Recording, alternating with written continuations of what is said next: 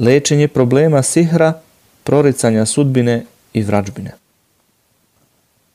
I pored industrijskog i tehnološkog napretka sveta, milioni ljudi širom sveta žive u zatvorenom svetu proricanja magije i vrađbine.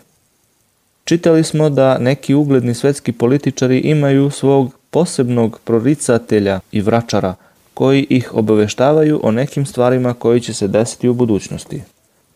Sihr je stvarnost, a njegovo učenje i bavljanje njime je neverstvo, kao što Allah kaže.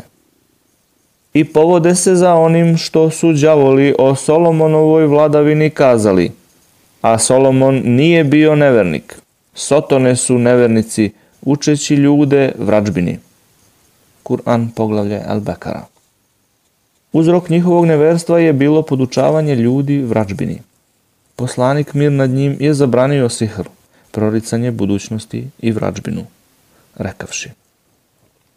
Nije od nas onaj koji proriče i kome se proriče, onaj koji gata i kome se gata, onaj koji pravi sihr i onaj za koga se pravi sihr. I rekao je, klonite se sedam upropašćujućih greha. Rečeno je, o Boži poslaniče, a koji su to gresi? On je kazao, pridružavanje druga Bogu, sihr, bespravno ubijanje, kamata, jedenje i metka siročeta, bežanje sa bojnog polja i optužba čestitih vernica.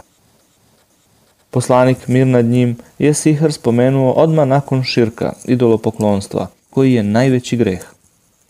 Poslanik mir nad njim je zabranio da se ide onima koji proriču sudbinu i gatarima kazavši. Ko ode gataru, pa ga upita o nečemu. Njegov namaz, molitva, mu neće biti primljena 40 noći. Još je većim grehom učinio ukoliko čovek poveruje gataru rekavši. Ko ode gataru, pa mu poveruje u ono što kaže, negirao je ono što je objavljeno Muhammedu. Neki ljudi govore da sihirbazi nekada kažu istinu i to je dokaz da je istina ono što oni govore.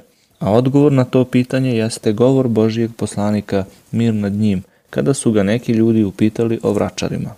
On je kazao, oni ne predstavljaju ništa. Pa su ljudi kazali, oni nekada kažu nešto pa se ispostavi da je to istina. A on je odgovorio, to je reč istine koju đavo ukrade pa je ubaci u uho svakome pristalici i uz nju doda još stotinu laži. A u predaji kod Buharije stoji da je Aisha čula poslanika mir nad njim kako kaže. Anđeli se spuštaju na oblake pa spomenu nešto po pitanju čega je donešena presuda na nebesima. A zatim to đavo prisluškuje i čuje, te nakon toga obavesti vračara spominjući mu uz to još stotinu laži.